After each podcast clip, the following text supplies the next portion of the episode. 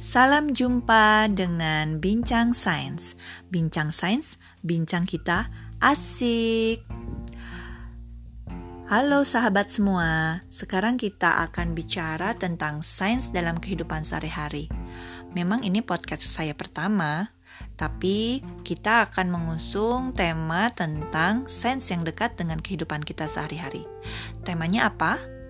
Ya, temanya adalah kembang api.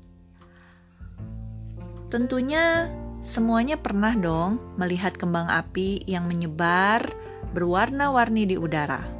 Tentunya di malam hari. Kenapa ya bisa demikian?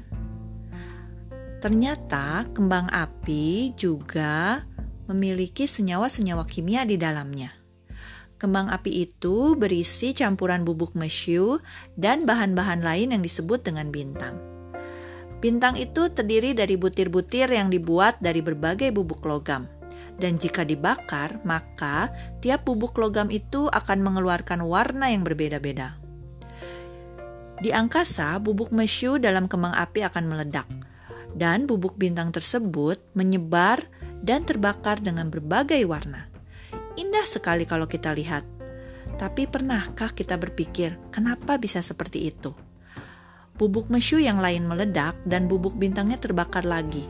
Warnanya akan timbul cemerlang.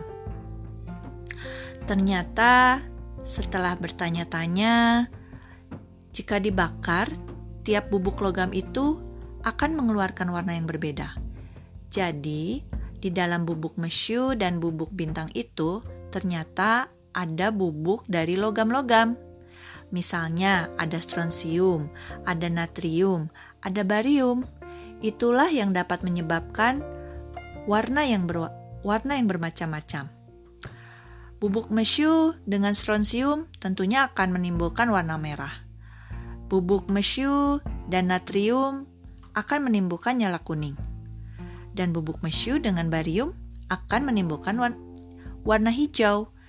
Semua menyala dengan indah menjadi kembang api yang berwarna-warni di angkasa. Nah, ada bermacam-macam kembang api. Coba, berapa yang diketahui?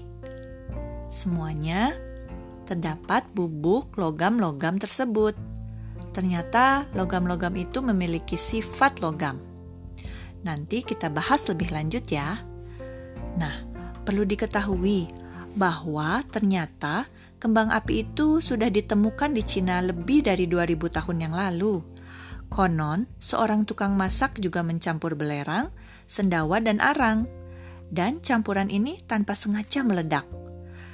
Itulah setelah kejadian seperti itu, orang Cina memasukkan campuran itu ke dalam bambu dan meledakkannya pada pesta perkawinan dan perayaan-perayaan.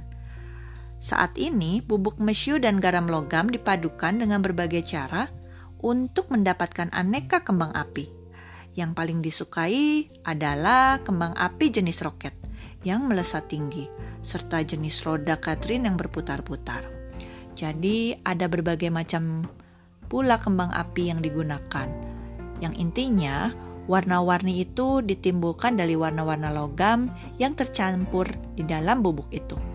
Nah, sekarang sudah tahu kan kenapa kembang api itu jika dinyalakan akan menyebar di angkasa dengan warna-warna yang indah. Menarik bukan?